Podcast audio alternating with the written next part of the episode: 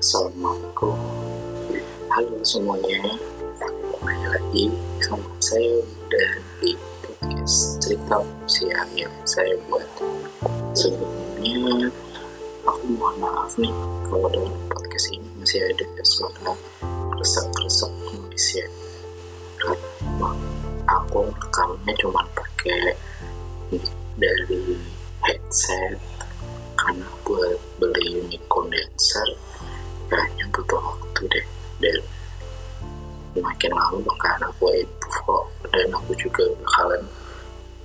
berusaha buat nilaiin noise ini biar nggak terlalu mengganggu di telinga di podcast kedua ini aku pengen bahas tentang dua pilihan yang sulit padahal sama-sama baik di antara dua pilihan itu.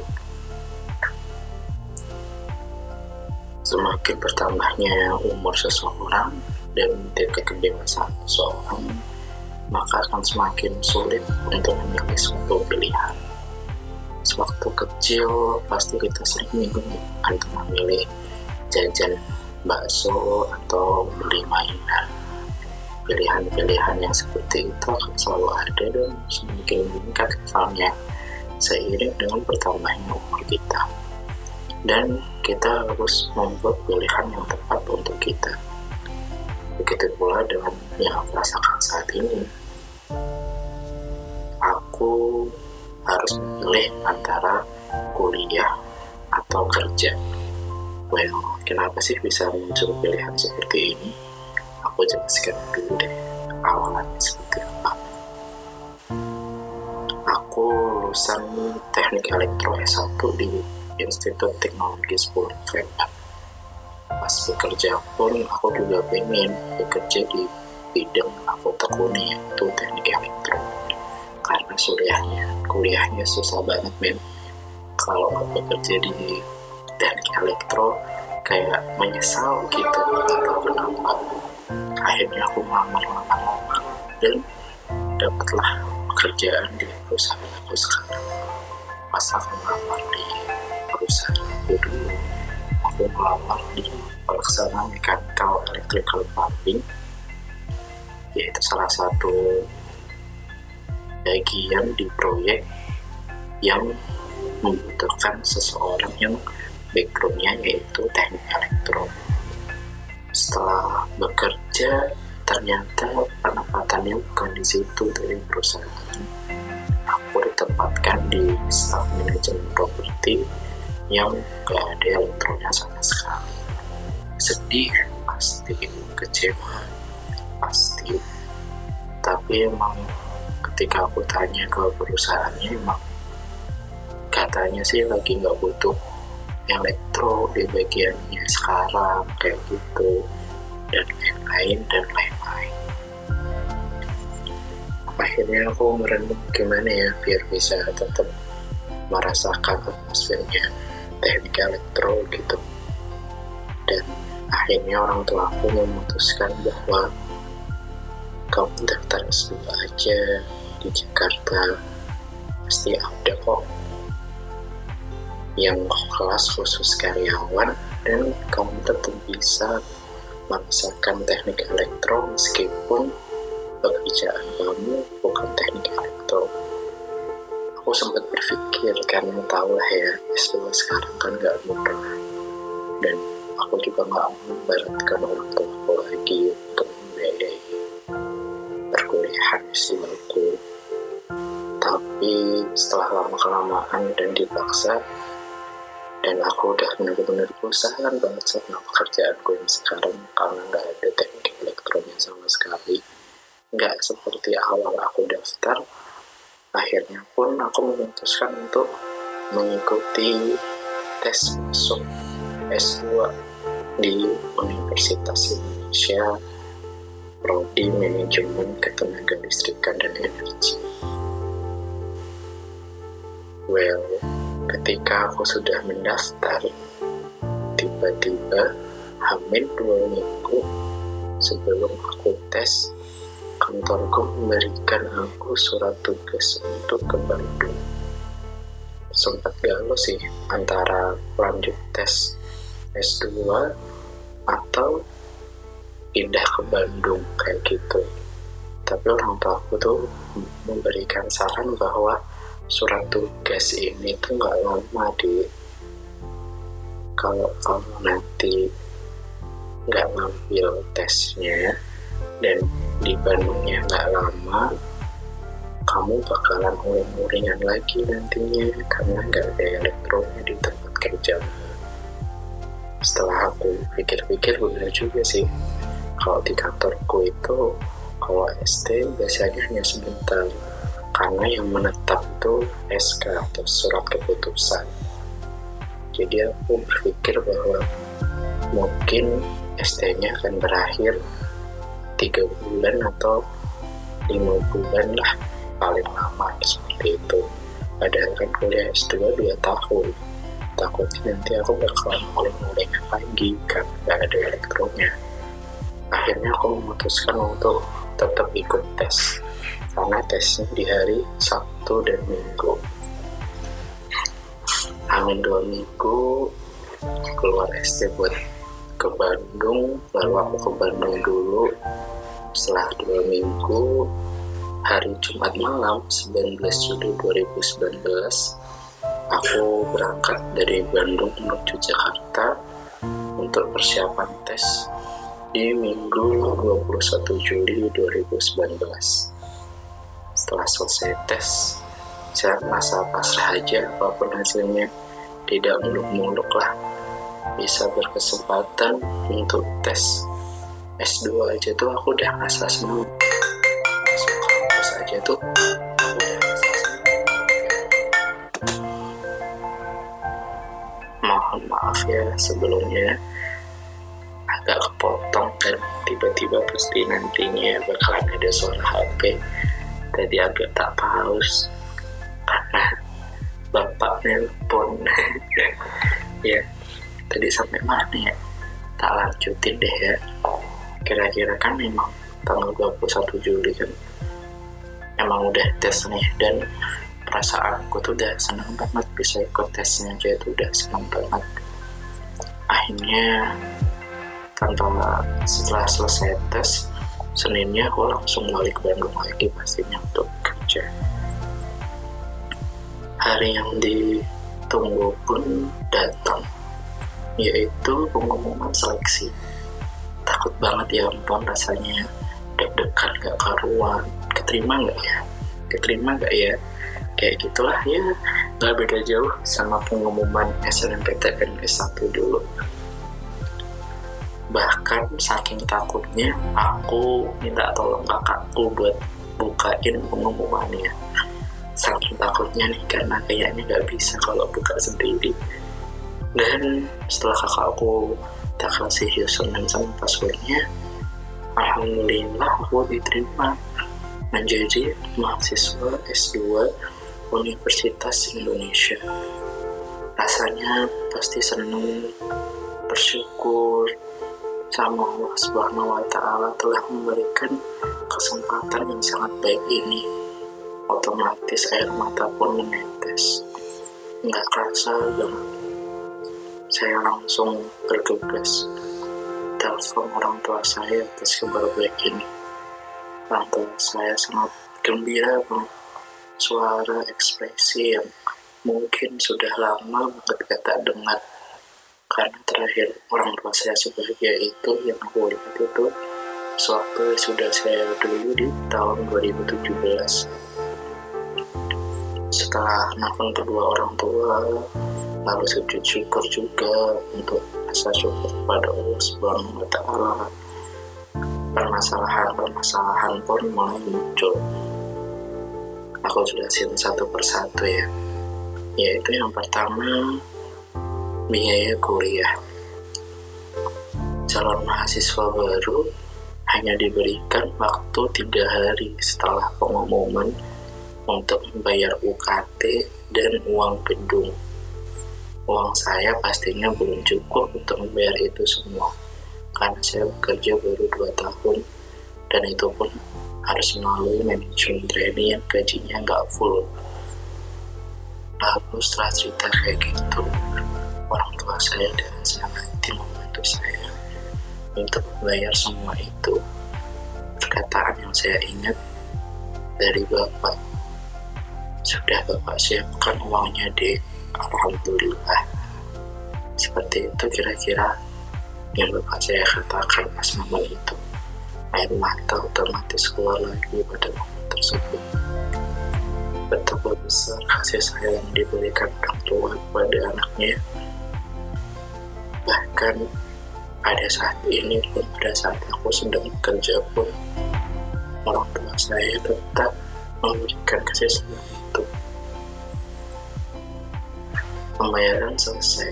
Setelah diberikan tua dan aku membayarkan UKT dan uang gedungnya permasalahan kedua yaitu kuliahnya kan di Jakarta. Sedangkan aku kan kerjanya lagi ditugasin di Bandung. Terus kuliahnya gimana? Saya langsung bertemu dengan manajer human capital manajer human capital tuh kalau di perusahaan saya ya kayak manajer SDM lah sumber daya manusia. Tapi di perusahaan pun nyebutnya human capital. Permisi pak. Ya beginilah toh. Mungkin ini aku simulasiin ya. Percakapan antara manajerku sama aku pas di momen itu. Ya lebih kurang seperti inilah. Permisi pak. Mohon maaf mengganggu apakah ada waktu saya ingin berdiskusi sebentar iya mas sebentar ya saya masih ada keperluan setelah ini oh iya pak sebentar saja kok jadi seperti sebelum dipindah ke Bandung, saya mendaftar S2 di UI, Pak. Alhamdulillah, saya diterima. Saya di sini memberikan surat izin belajar untuk S2. Lalu manajer saya tiba-tiba menjawab, wah, gak bisa mas. Gak bisa seperti itu, kamu harus memilih antara kerja atau S2. Dan kerjamu di Bandung, kuliahmu di Jakarta. Tentukan saja pilihannya mendengarkan jawaban itu saya langsung tertegun kaget dan saya pun menjawab kalau suruh milih saya milih kuliah pak berarti kalau emang nggak bisa saya harus resign ya pak amin 30 hari ya surat resignnya lalu manajer saya pun menjawab iya mas betul nanti surat izinnya saya jawab melalui email mas percakapannya pun berakhir dengan Baik Pak, terima kasih banyak atas waktu dan kesempatannya. Setelah menghadap manajer tersebut, perasaanku sudah campur aduk rasanya. Sumpah aku emang harus resign, maka biaya hidup di Jakartanya bagaimana? Gak mungkin kan orang tua aku membayarkan aku kuliah S2 dan aku tetap harus minta uang untuk biaya hidup di Jakarta. Akhirnya aku memutuskan untuk sabar menunggu surat jawaban dari manajer human capital di kantor saya. Setelah dua minggu, surat jawabannya pun muncul. Alhamdulillah, surat jawabannya mengizinkan asalkan tidak mengganggu pekerjaan saya di Bandung. Berarti saya harus bolak-balik Jakarta Bandung untuk kuliah dan bekerja. Di sini pun saya mulai mengatur strategi. Jadi saya memulai jadwal untuk membuat jadwal untuk kuliah dan bekerja beserta biaya yang harus aku keluarkan untuk hidup dan akomodasi Jakarta Bandung. Berikut adalah gambaran jadwal di semester 1 yang pertama yaitu Senin siang jam 12 sampai jam setengah 2 aku berangkat menuju Jakarta ke stasiun Bandung tepatnya naik kereta keretanya itu jam 3 kurang seperempat Argo Parahyangan maka sampai di Jakarta sekitar jam setengah 6 sampai jam 6 lalu Senin malam jam 7 sampai jam setengah 10 aku langsung kuliah. Selasa paginya, sekitar jam setengah lima, aku langsung berjalan dari kosanku ke ke Pol Prima Jasa untuk berangkat menuju Bandung. Aku turun di Terminal W Panjang, lalu setelah itu langsung menuju kantor untuk bekerja. Selanjutnya, Rabu siang, sama seperti di hari Senin, aku berangkat dari Bandung jam 3 kurang seperempat, lalu sampai jam setengah enam dan aku kuliah dari jam 7 sampai jam setengah 10. Setelah itu, di Kamisnya, aku mendapatkan Alhamdulillah banget. Aku diizinkan untuk mengikuti rapat yang rapatnya itu setiap hari Kamis. Dari jam 8 sampai dari jam 10 sampai jam 5 sehingga aku bisa bekerja di Jakarta.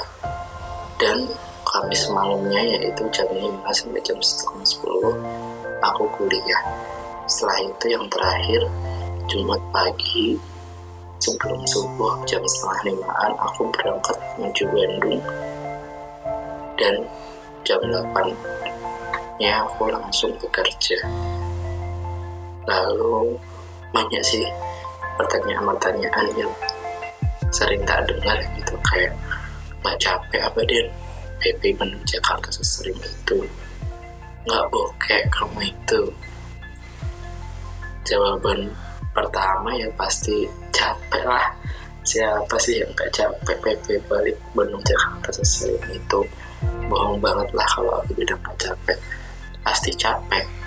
Tetapi nggak tahu kenapa tuh aku senang banget gitu aku ini makanya ini mungkinlah yang disebut passion. Teknik elektro itu adalah passionku. Secapek apa pun saya kalau udah kuliah itu rasanya seger lagi.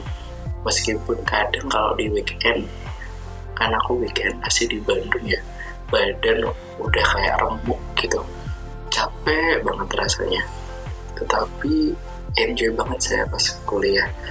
Jawaban kedua aku percaya bahwa Allah Subhanahu wa taala kalau ngasih jalan nggak mungkin setengah-setengah percaya itu. Allah Subhanahu wa taala kalau masih jalan nggak mungkin setengah-setengah Alhamdulillah banget. Aku dapat tunjangan luar kota karena penempatan di Bandung. Dan itu cukup membantu membiayai perjalanan PP Bandung Jakarta aku buat kuliah. Makanya mungkin kadang mepet kadang bisa lebih dikit dan aku pun masih bisa nabung buat masa depanku nanti. Makanya jangan ragu deh sama Allah subhanahu wa ta'ala. Nggak mungkin Allah itu masih setengah-setengah. Pasti ngasih secara utuh. Alhamdulillah gak kerasa semester satu kuliah pun sudah selesai. Hasilnya pun lumayan memuaskan dengan semua tantangan yang tadi aku ceritain. Terima kasih dan rasa syukur kepada Allah yang memberikan aku keluarga yang sangat mendukung, orang tua, kakak, bahkan calon istri aku yang selalu ada, teman-teman kuliah yang sangat baik dan kooperatif, dan teman-teman kerja yang selalu menyemangati aku. Besok hari Senin, tanggal 2 Februari 2020 kuliah semester 2 pun sudah dimulai. Aku yakin bahwa pastinya tingkat kesulitan kuliah akan semakin meningkat tiap semesternya. Semoga Allah Subhanahu wa taala selalu memberikan jalan kepada hamba-hambanya yang selalu meminta dan yakin. Dan semoga kuliahku di semester 2 diberikan kelancaran sama Allah Subhanahu wa taala. Amin. Demikianlah podcast kedua yang aku pengen ceritain bahwa dua pilihan yang sama-sama baik antara kuliah dan kerja itu bisa jadi pilihan yang sama-sama sulit untuk hidup ini dan kita benar-benar harus berdoa harus berpikir kembali harus mengatur strategi.